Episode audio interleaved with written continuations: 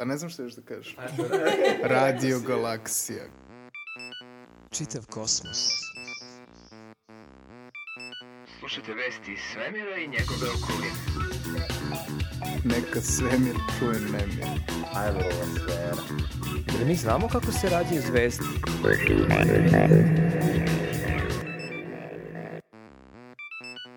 Slušate naučni megafon. Naučne vesti Radio Galaksije.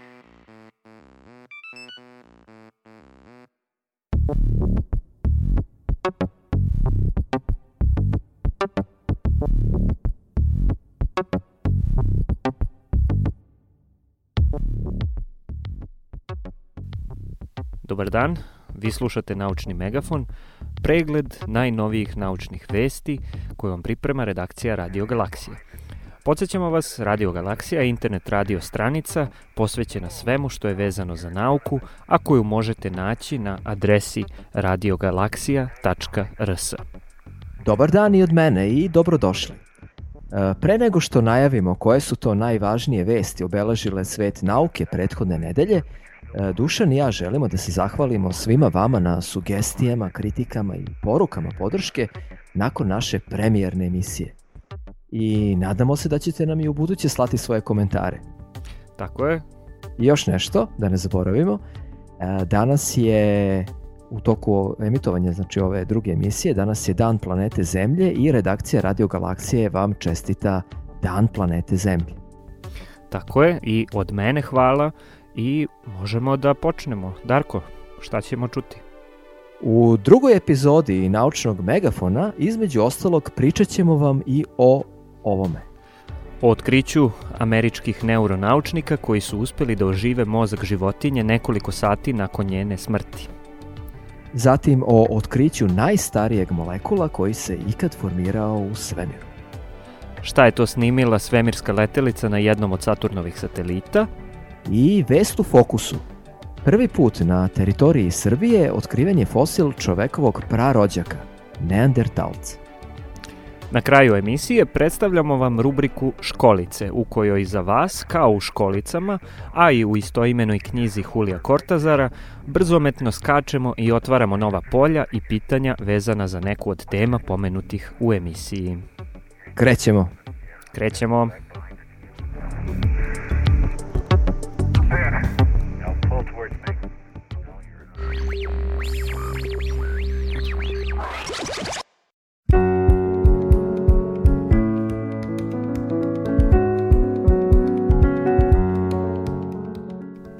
Nemojte da se uplašite, ali emisiju započinjemo jednim velikim i medijski zapaženim, pa ipak bizarnim otkrićem iz oblasti neuronauka. Neuronauke su multidisciplinarna oblast koja se inače bavi istraživanjem nervnog sistema, njegove dinamike, anatomije, hemije i tako dalje. To je nauka koja objedinjuje i medicinu, i psihologiju, i tradicionalne discipline poput neurobiologije i tako dalje. Konkretno u ovoj vesti istraživači sa Neuroinstituta Univerziteta Yale u Sjedinjenim američkim državama objavili su da su uspeli da obnove pojedine funkcije ćelija mozga kod svinja i to nekoliko sati nakon njihove smrti. Naime, o čemu se ovde radi? Pre više od godinu dana, pod voćstvom hrvatsko-američkog neurobiologa Nenada Šestana, tim naučnika je koristio za takozvane ex vivo analize oko 100 svinja koje su dopremljene iz klanice. Naučnici su zatim analizirali funkcije mozga glava koje su fizički odvojene od tela. Ono što se izdvojilo kao važan zaključak ovog istraživanja je da je kod 32 mrtve svinje zabeleženo oživljavanje ćelija mozga iako glava nije imala nikakav kontakt sa telom. Iz nekih ranijih istraživanja znalo se da su ovakvi rezultati mogući, ali ovo je prvi put da se na statistički značajnom broju sisara primeni ovakvo istraživanje.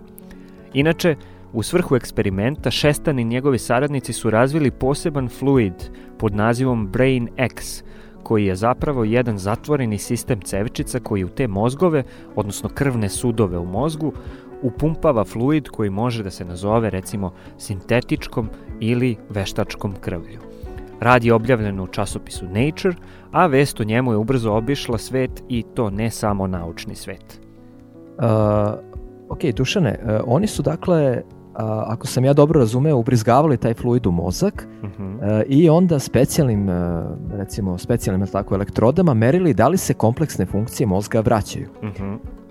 E sad, kao rezultat uspeli su da zabeleže rast tih aktivnosti iako je smrt nastupila nekoliko sati pre toga.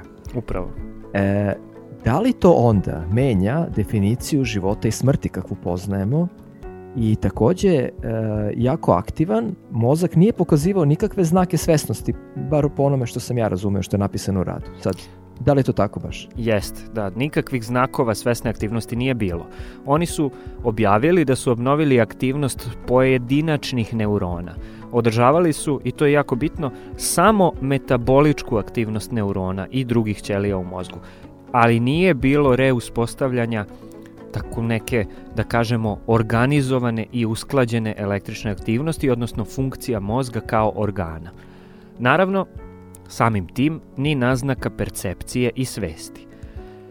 Ono što je interesantno, recimo, ja sam se pitao da li je moguće da su oni zabeležili te električne signale ne zato što se mozak aktivirao, već zato što je nastupila neka hemijska reakcija, na primjer, koja je indukovala električni signal, ali izgleda da su Šestan i njegove kolege vrlo pažljivo proverile sve ovo.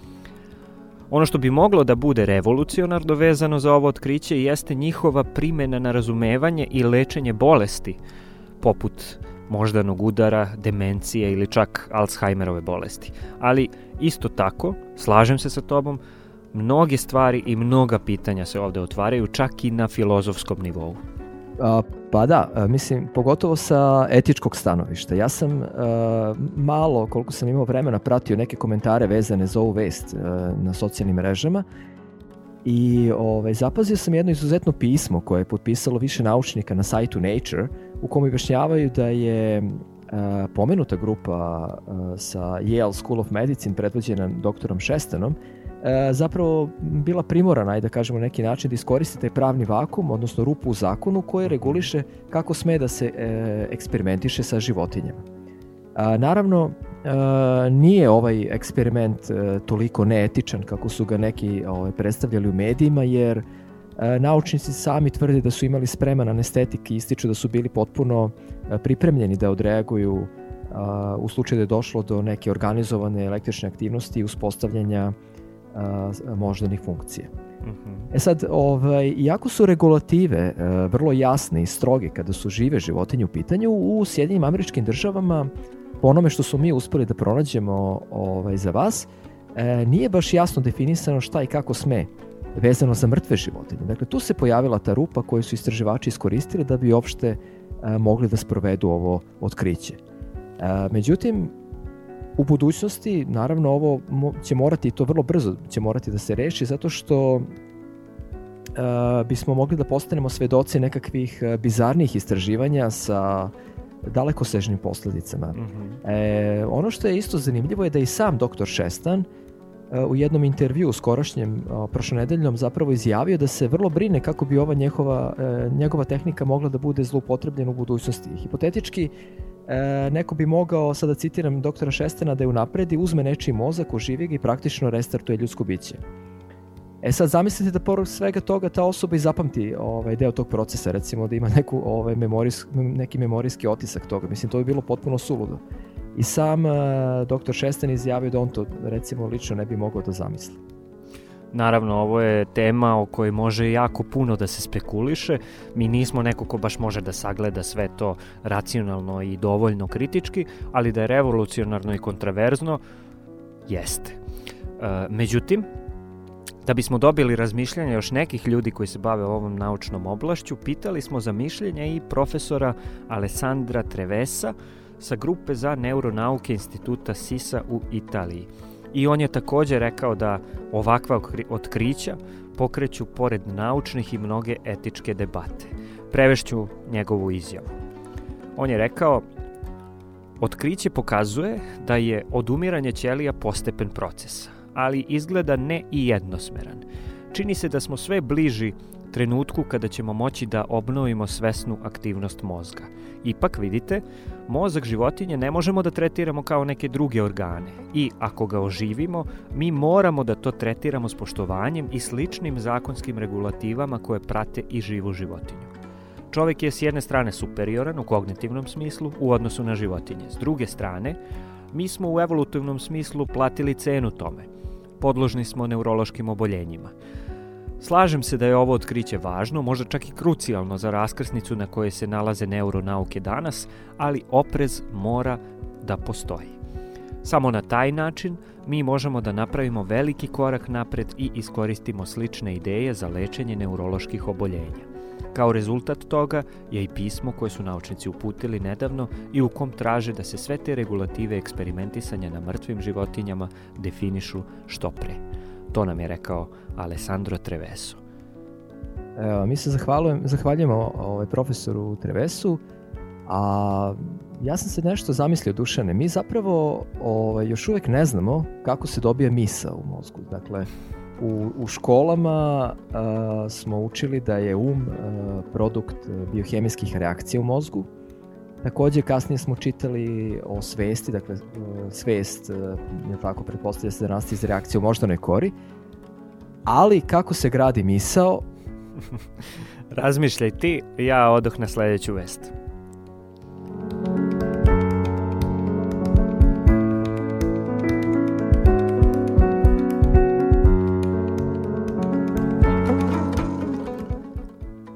Iz sveta mozga prelazimo u svet molekula i to ne bilo kakvih molekula. I to ne bilo kakvih molekula, već prvih molekula koji su ikada formirani u našem univerzumu.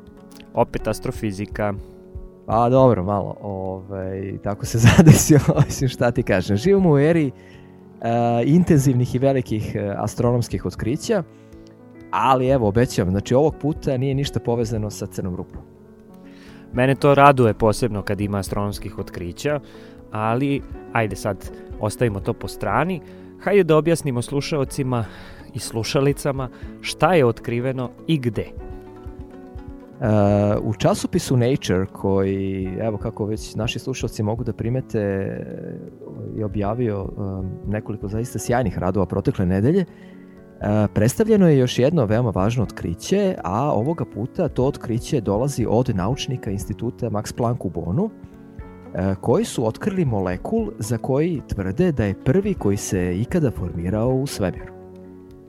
U pitanju je takozvani hidrohelijum, koji je još u nauci poznati pod imenom helium hidrid ion ili helium hidrid. Što će reći molekul sastavljeno od atoma helijuma i iona vodonika. Dakle, iona koji je nastao raspadom jednog izotopa vodonika koji se naziva tricijum. Hemičari inače vole da kažu da je hidrohelijum ujedno i najjača poznata kiselina. E sad, gde je otkriven dakle ovaj molekul? Pa u svemiru je otkriven. A, ovaj, ali, ok, kada to kažemo na ovaj način, uh, nisam siguran da naši slušalci mogu previše da budu uzbuđeni zbog toga. Ok, ajde da to malo objasnimo. Dakle, otkriven je molekul za koji se samo pretpostavljalo da postoji u svemiru. Tako je. Međutim, u svemiru se molekuli nisu pojavili tek tako. Svemir je star oko 14 milijardi godina i u samom početku Nakon velikog praska, on je sadržao jezgra najlakših elemenata, poput vodonika, helijuma, litijuma. E, pa čak i berilijuma sad je pokazano, da, tako je. Dakle, to je sve bilo stvoreno u intervalu koji se desio a, nekoliko desetina sekunde nekoliko desetina minuta, recimo 20 minuta nakon velikog praska. I to je taj proces koji u nauci se zove primordijalna nukleosinteza. Dakle, primordijalna znači nešto što je nastalo u samom začetku, a nukleosinteza e, označava da su se u tom procesu stvorili nekakvi nukleusi, odnosno jezgre.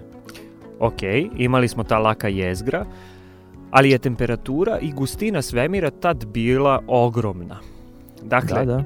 imamo nekakve ekstremne uslove u kojima ne može da se formira ni atom, a kamoli molekul.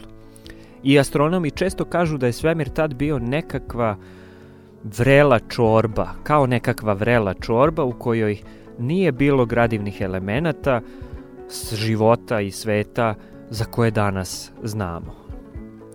U nekom momentu ta vrela riblja čorba je počela da se hladi i da se hladi i da se hladi. I hajde da brzo objasnimo šta se onda desilo. E, to je, to je pitanje. Dakle, e, mi danas znamo da kod atoma hemijskih elemenata e, imamo jezgro oko kojeg orbitiraju elektroni. E, trebalo je da protekne više od 300.000 godina pa da se svemir dovoljno proširi i ohladi i da se postignu uslovi da prvi ovi elektrončići budu uhvaćeni oko jezgara koje si pomenuo, recimo helijuma. E, zbog toga je bilo i očekivano, aj tako da kažemo, da prvi molekul bude sastavljen upravo od ova dva elementa, najlakše elementa za koje znamo, a to su Mhm. vodonik i helijum. Međutim, e, nije ta priča baš toliko jednostavna kao što bismo ovako logički, zdravorazumski mogli da zaključimo. Zato što, recimo, ako se setimo iz škola, učili smo da je helijum jako reaktivan gas i da e, ovaj, bukvalno ne može lako da reaguje da se veže ni za jedan drugi ovaj, e, element. Tako da, iako je hidrohelijum otkriven u laboratorijama na zemlji još pre 100 godina, a, do sada ga niko nikada nije detektovao u otvorenom svemiru. Dakle, teorijski, on nastaje kada se sudare atom helijuma i a, vodonikov ion i u toj reakciji se formira dakle molekul, hidrohelijum, ali se takođe emituje i jedan fotončić. Taj foton je prenosilac e, elektromagnetnog zračenja koje zapravo govori kolika je jačina te formirane molekulske veze. E, otkriće ovog molekula u svemiru nam dalje govori da naše razumevanje evolucije hemijskih elemenata ide u dobrom smeru. Zašto je još ovo otkriće bitno? E, bitno je zato što ovaj hidrohelijum može da ima jednu od ključnih uloga e, u razumevanju kako su formirane prve zvezde. Zato što teorijski modeli predviđaju da su i prve te takozvane primordijalne zvezde imale znatnu količinu e, tog molekula. Ali čekaj, čekaj. Nemoguće je da je ovaj posmatrani molekul zapravo toliko star, zar ne? To nije baš taj prvi molekul u svemiru, nego neka vrsta njegovog, ajde da tako kažem, 14 milijardi godina mlađeg brata blizanca, da? pa dobro sad. Ovaj, e, ja ne znam, ni- nisam nikad čuo za, za ovaj, ovu sintagmu 14 milijardi godina mlađi brat blizanac, ali, Ali dobar je opis. A, ali dobar je opis i, i čak si to lepo primetio, ovaj, vidim da, da ti jutarnja kafa fino deluje, ovo je čak i tačno, dakle, e, mnogi mediji su pogrešno interpretirali naslov ovog rada i sad hajde da mi bar probamo da budemo precizni, precizniji. E, dakle, pitanje, prvi molekul koji se formira u svemiru jeste helium hidrid ili taj hidrohelijum, kako smo ga već Mhm. nazvali. E sad, naredno pitanje je, da li smo detektovali helium hidrid? Jesmo. Ali, da li smo detektovali baš onaj koji je nastao pre 13 više milijardi godina? Pa nismo. Mhm. Detektovali smo, dakle, isti taj molekul, samo naravno mnogo mlađi.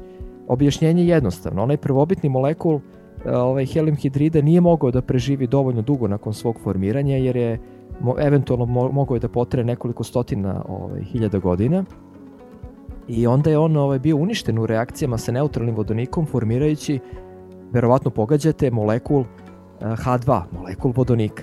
Mhm. Međutim, ovaj, ono što je super jeste što su astronomi u svemiru otkrili uh, relativno bliska mesta, dakle mesta koje su blizu ovaj, nama, znači našoj planeti, na kojima ovaj molekul mogu da traže. Dakle, mi ni teorijski ne bismo mogli da uzmemo sa teleskop i da uperimo i najjači teleskop na zemlji uh, u tu vrelu riblju čorbu, kako smo je tako nazvali, jer ovaj, ne, ne bismo ništa mogli da vidimo tamo. Ali smo zato našli nekakve analoge, nekakva slična mesta i upravo ovaj molekul je otkriven u jednom, na jednom takvom mestu, zapravo u planetarnoj maglini, ne toliko daleko od nas, svega a, oko 3000 svetlosnih godina. Ja da pojasnimo, planetarne magline su oni prelepi ostaci smrti zvezda koji imaju masu poput našeg sunca. I verovatno je to vezano sa tim. Centralna zvezda te magline, koju, koja je inače beli patuljak, je dosta vrela zvezda i to je dosta vrela oblast generalno i verovatno je zbog toga pogodno da se baš ovaj molekul baš tamo traži. A, pa tačno. Upravo, dakle, e, ovaj detektovani molekul se formirao u uslovima koji su, kao što smo rekli, bili vrlo slični onima koje su vladali u tako ranom svemiru. E sad, temperatura je, kao što si rekao, visoka, dakle, plazma, taj, um, to stanje je ionizovano, dakle, imamo puno ionizovanog vodonika, a sa druge strane, u spoljašnjim slovima magline ima puno atomskog, uh, atomskog helijuma. Dakle, kao u recimo bajci o Zlatokosu, imamo tačno ono što nam treba. Niti je ovaj čorba previše hladna, niti je baš prevrela, nego je baš onako fino kako treba da bi smo našli to što tražimo. Obično se to koristi za nastanjivost, ali da, i ovde može biti ilustracija. Možemo i ovde da primenimo, znači, ali pazite sad, Uh, kao i u slučaju one crne rupe koje smo pominjali u prošloj emisiji i ovde imamo jedan ovaj, ozbiljan astronomski posmatrački problem. Mhm. jer je sredina koju pokušavamo da posmatramo prepuna prašine koja apsorbuje vidljivu svetlost. Znači opet ta prašina na, na nekako smeta i onda su astronomi morali da upotrebe infracrveni teleskop. Mhm. E, ali pazite, ne ma kakav infracrveni teleskop, već infracrveni teleskop koji se ne nalazi na površini zemlje, već u vazduhu. I to tačnije a, nalazi se u ovaj, jednom ogromnom avionu Boeingu 747. E, meni je to fascinantno. Znači, mi imamo avione koji lete okolo, ali ne prevoze putnike, već nose sa sobom ozbiljne instrumente, u ovom slučaju infracrveni teleskop veličine nekoliko metara. Uh, da, upravo to. Ovaj, ima tu duši putnika, ima putnika, mislim, neko mora da vozi taj avion, dakle ima pilot, ali to su, uh, jedini putnici tamo su ovaj, zapravo astronomi, tehničari, ovaj, Mhm. instrument, in- instrumentalisti, jel? Uh, taj teleskop koji si pomenuo konkretno zove se Sofija, što znači u prevodu sa engleskog stratosfersko posmatranje infracrvenih talasa, inače prečnika je 2,5 metra. Uh, Boeing, jel tako, avion uzdigne se na velike visine od preko 13 km, taj teleskop se aktivira i onda on snima ovaj, termalno zračenje koje dolazi iz svemira. Zračenje koje potiče od ovog molekula koji je detektovan je ono koje je talasne dužine 150 mikrometara.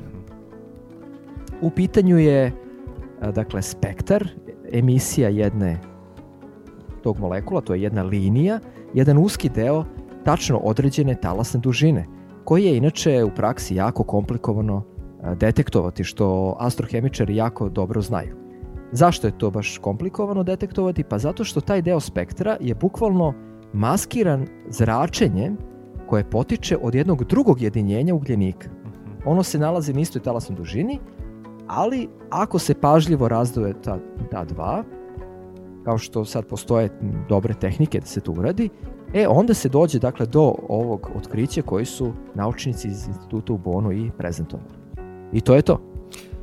Ja sad šale radi, ima li negde da se kupi ta kar- karta za taj avion? Pa pazi, nije to šale radi, mislim, možemo i da probamo pa da, ovaj, mislim što da ne, da snimimo jednu epizodu Megafonu u Boeingu. To bi bilo interesantno, pošto i ovako snimamo sa, sa velikih udaljenosti. Pa da, onako, sa 13 km. Ajde da nastavimo dalje, dok smo još na zemlji.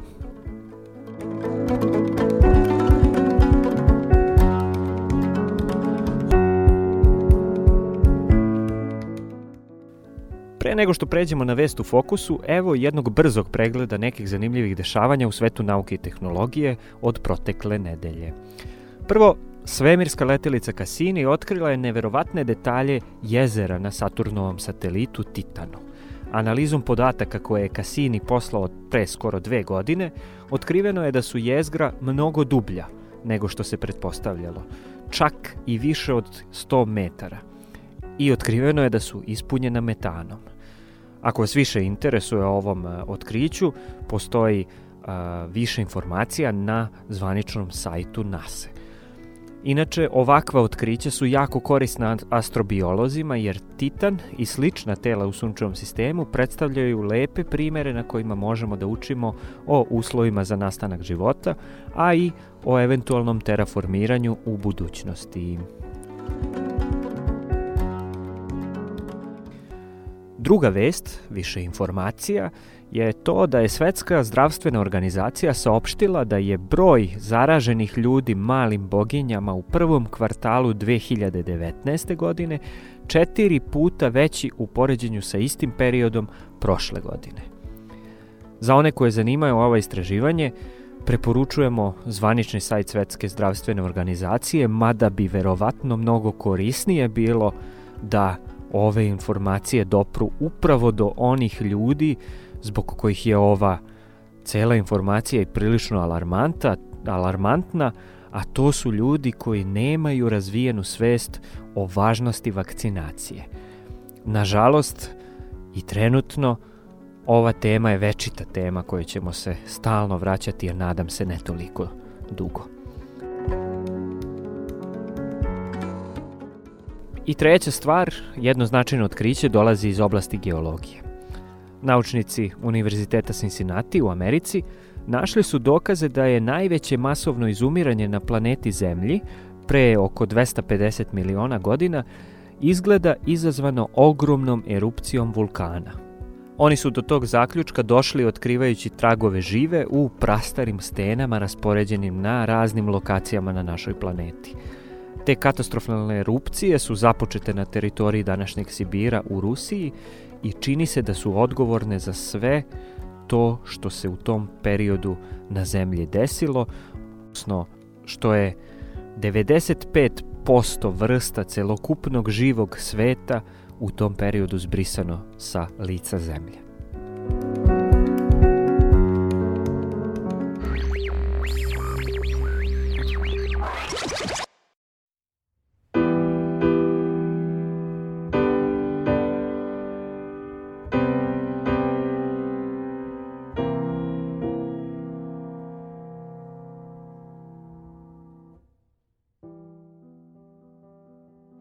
Mnogo pre Picasa i mnogo pre Da Vincija u mračnim pećinama Evrope Prvi, do duše nepoznati umetnici, pravili su crvenkasto obojeni dekor po pećinskim zidovima.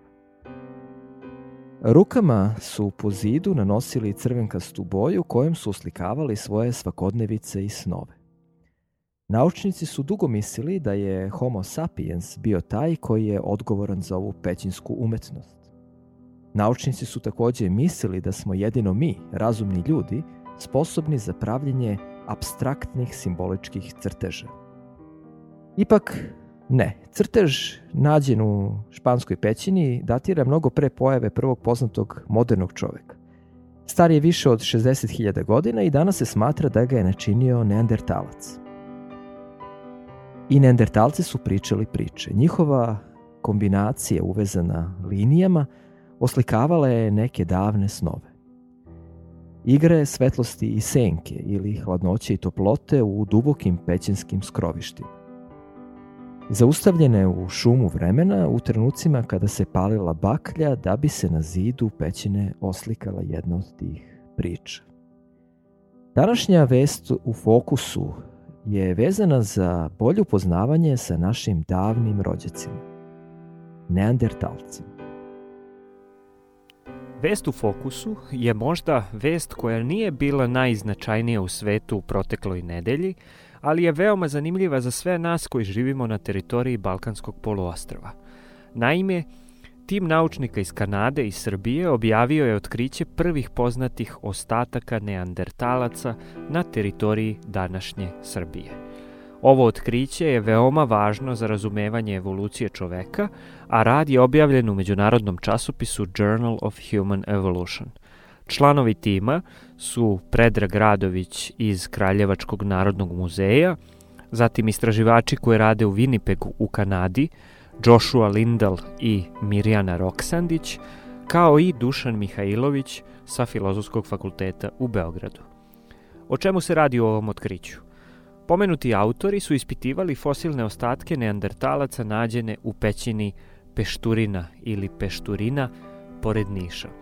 Tačnije, gornji kutnjak neandertalca koji je ispostavilo se prvi pouzdano identifikovani fosil neandertalca na teritoriji današnje Srbije. Analizom je utvrđeno da je on star čak oko 102.000 godina.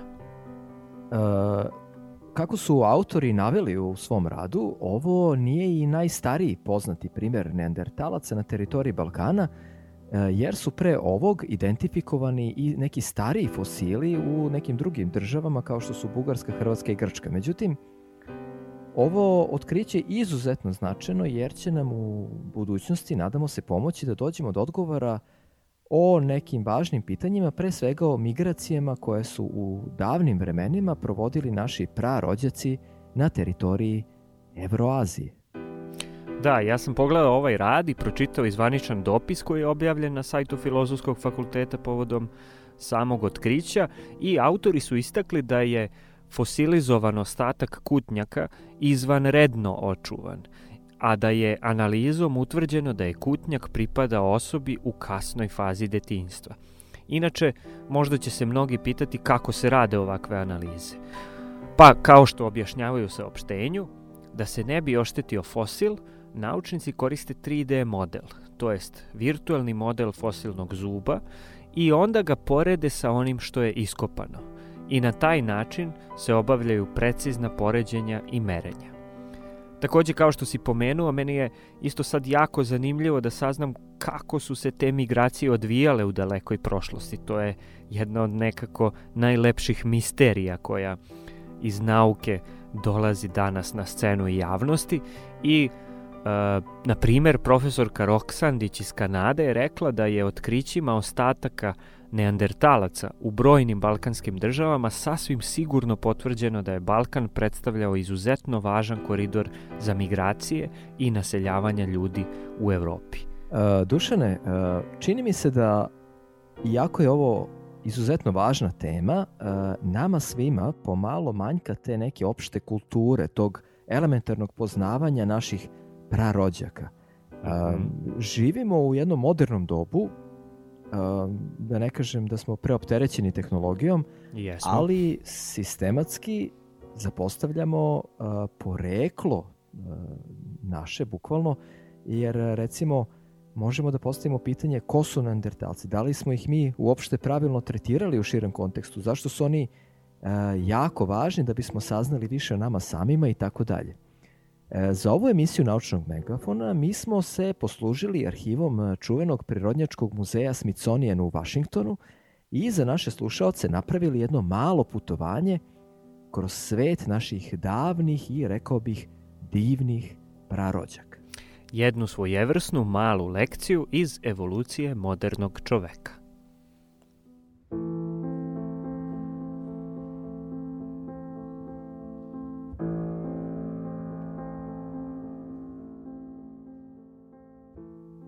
Neandertalci. Davno je to bilo, između 40 i 400 hiljada godina u prošlosti. Smatra se da su neandertalci naši najbliži direktni prarođaci. Današnji fosilni i genetički dokazi potvrđuju teoriju po kojoj su neandertalci i moderni čovek, homo sapiens, evoluirali od zajedničkog pretka davno, davno, između 200 i 500 hiljada godina u prošlosti.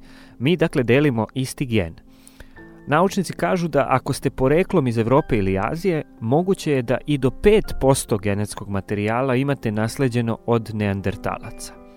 Ipak, neandertalci su imali neke veoma karakteristične crte, poput izduženog centralnog dela lica, relativno kratkog i isturenog čela i veoma velikog i širokog nosa da taj naš dragi prarođak neandertalac je morao da ima veoma širok nos kako bi a, njih mogao da kondenzuje više vode. On je morao da bude adaptiran na hladan i suv vazduh, ali ipak ono gde se gotovo najviše razlikujemo od neandertalaca jesu očne duplje. Neandertalci su imali mnogo veće očne duplje, verovatno zbog prilagođavanja na tamna skloništa koje su nastanjivali i mnogi naučnici danas smatraju da su naši prarođaci zapravo imali mnogo bolji vid nego mi danas. Neandertalci su napravili i koristili čitavu paletu sofisticiranih oruđa. Oni su znali da koriste vatru, termički su obrađivali hranu, čak su i povrće kuvali ponekad. Živeli su pretežno po podzemnim i pećinskim skrovištima. Bili su to vešti lovci koji su pravili i odeću od prvih primitivnih materijala. Takođe, Sve je više dokaza da su neandertalci sahranjivali svoje mrtve i čak označavali ta mesta ostavljajući na njih cveće. Po tome se smatra da su neandertalci napredniji od svih prethodnih ljudskih vrsta s obzirom da nije poznato da je iko od njih koristio simbole na taj način. Analiza DNK je do danas potvrdila postojanje mnogobrojnih fosila nađenih pretežno na teritoriji Evrope i za one koji se interesuju za ovaj vid otkrića preporučujemo sajt, sajt Neanderthal Genome Project. Otkriće prvog ostatka neandertalca desilo se davne 1829. godine u mestu Engine u Belgiji. Međutim, e, ljudi koji su pronašli te ostatke nisu znali o čemu se zapravo radi.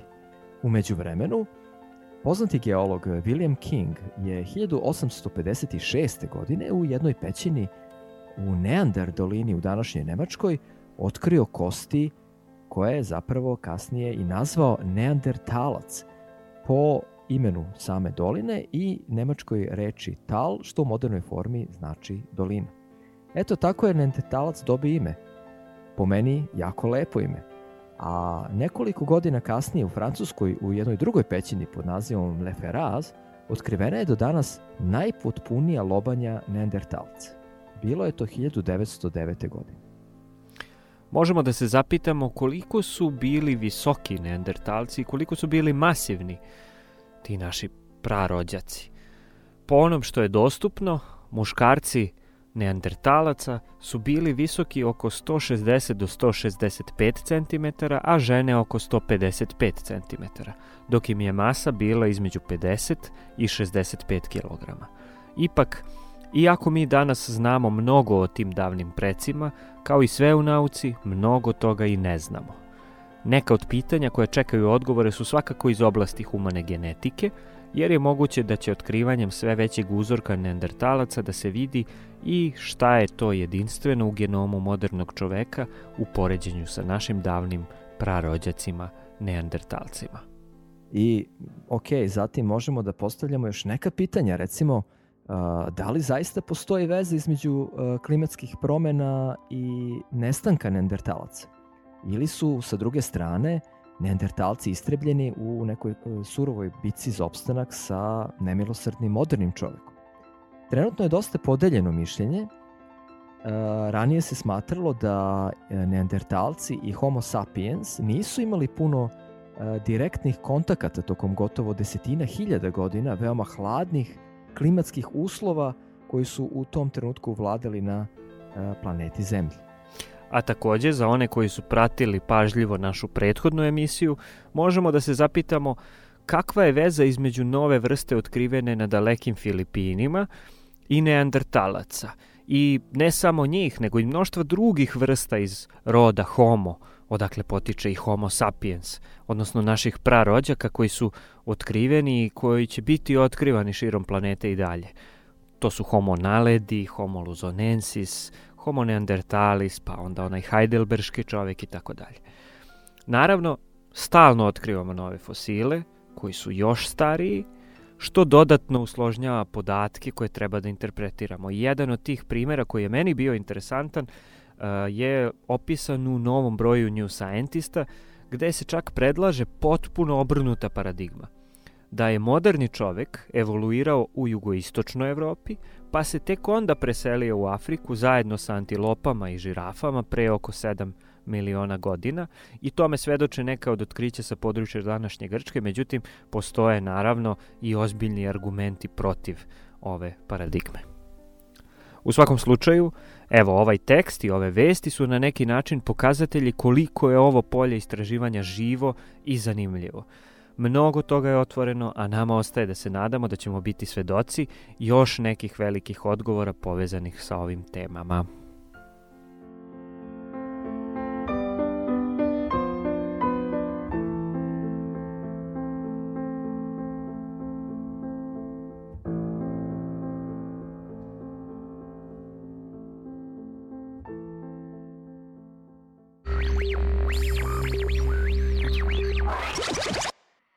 Se nekad igrate školica? okolice.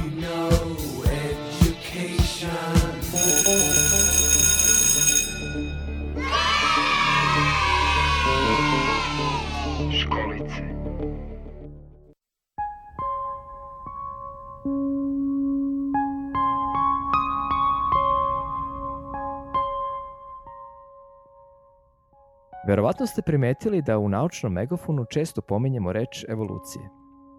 Govorimo o evoluciji biljaka, zvezda, galaksija, čoveka i ne samo priroda, već evoluiraju i gradovi, evoluiraju i računari.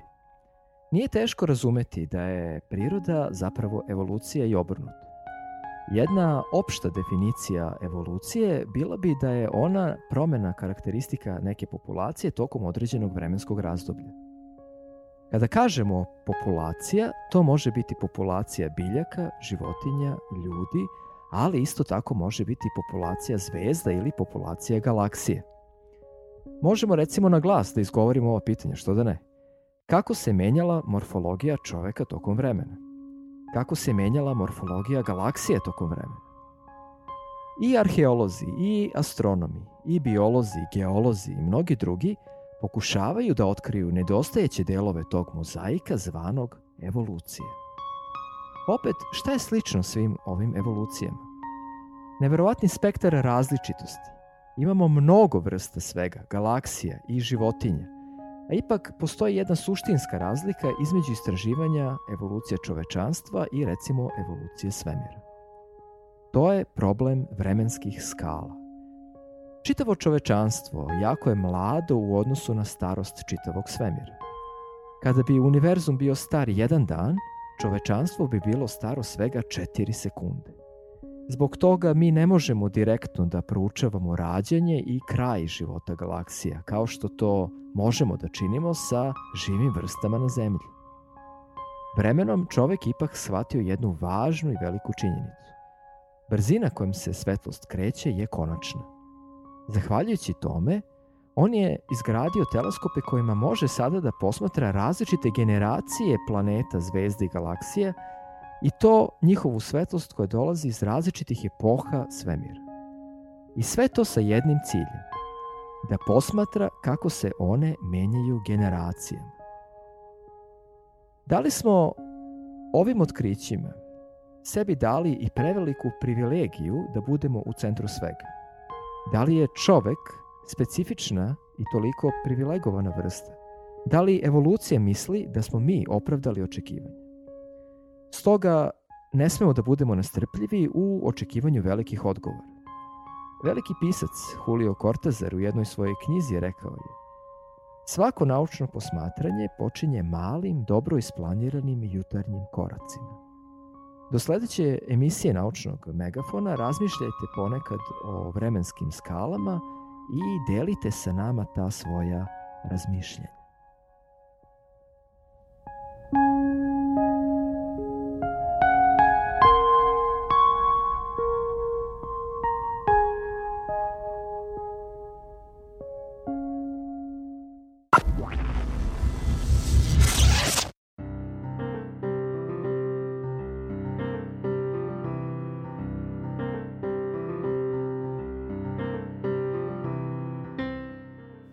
Bilo sve za vas od nas u drugoj epizodi Naučnog megafona.